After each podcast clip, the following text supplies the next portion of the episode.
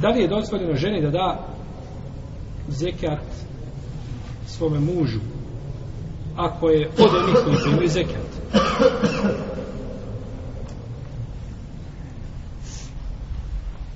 Islamski učenjaci se razilaze ovdje.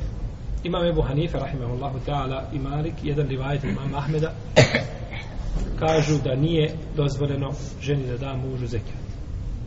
I kažu, to je jednostavno iz razloga, što su oni supružnici, među supružnicima je posebna veza, i na kraju krajeva ta se korist vraća kome? Njoj samoj.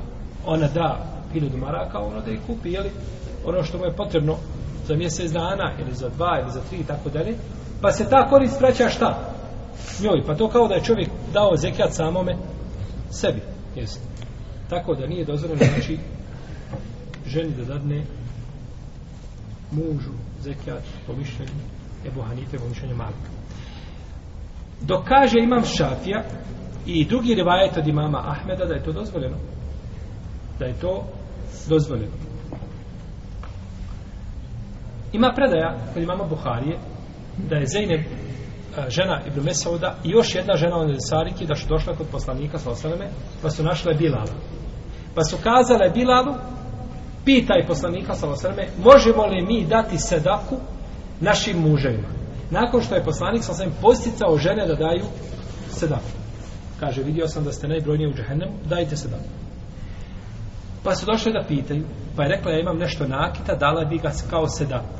Pa je pitao bila poslanika sallallahu alaihi wasallam pa kaže može li kaže nam wa lehuma ejran ejrul qarabeti wa ejru as-sadaqa jeste kaže ako dadnu one imaju dvije nagrade nagradu povezivanja tih znači veza i nagradu i na, jeli, ovdje se kaže rodbinski veza misle se jeli zbog toga što su vezani o tazbinskom i ovaj e, imaju nagradu e, jeli sadake koju daje.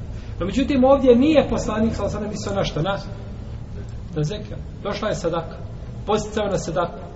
Ona došla pitala, ja imam, kaže nešto od, od nakita, dala bi ga kao sadaku, kao zekat ili kao uđu sadaku. Razumije se da je to obična sedaka. Iako znači ne može e, ne može se kategorički tvrditi ni jedno ni drugo.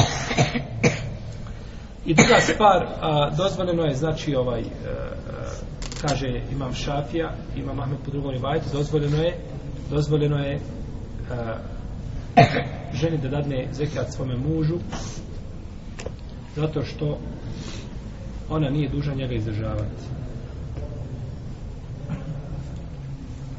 I to je ispravno mišljenje. Ispravno mišljenje da može žena dati mužu zekat. Zato što izdržavanje pada na muža, ne na ženu. A što se tiče davanja zekijata od strane muža ženi, Ibn Muzir navodi konsensus u Leme da je to zabranjeno.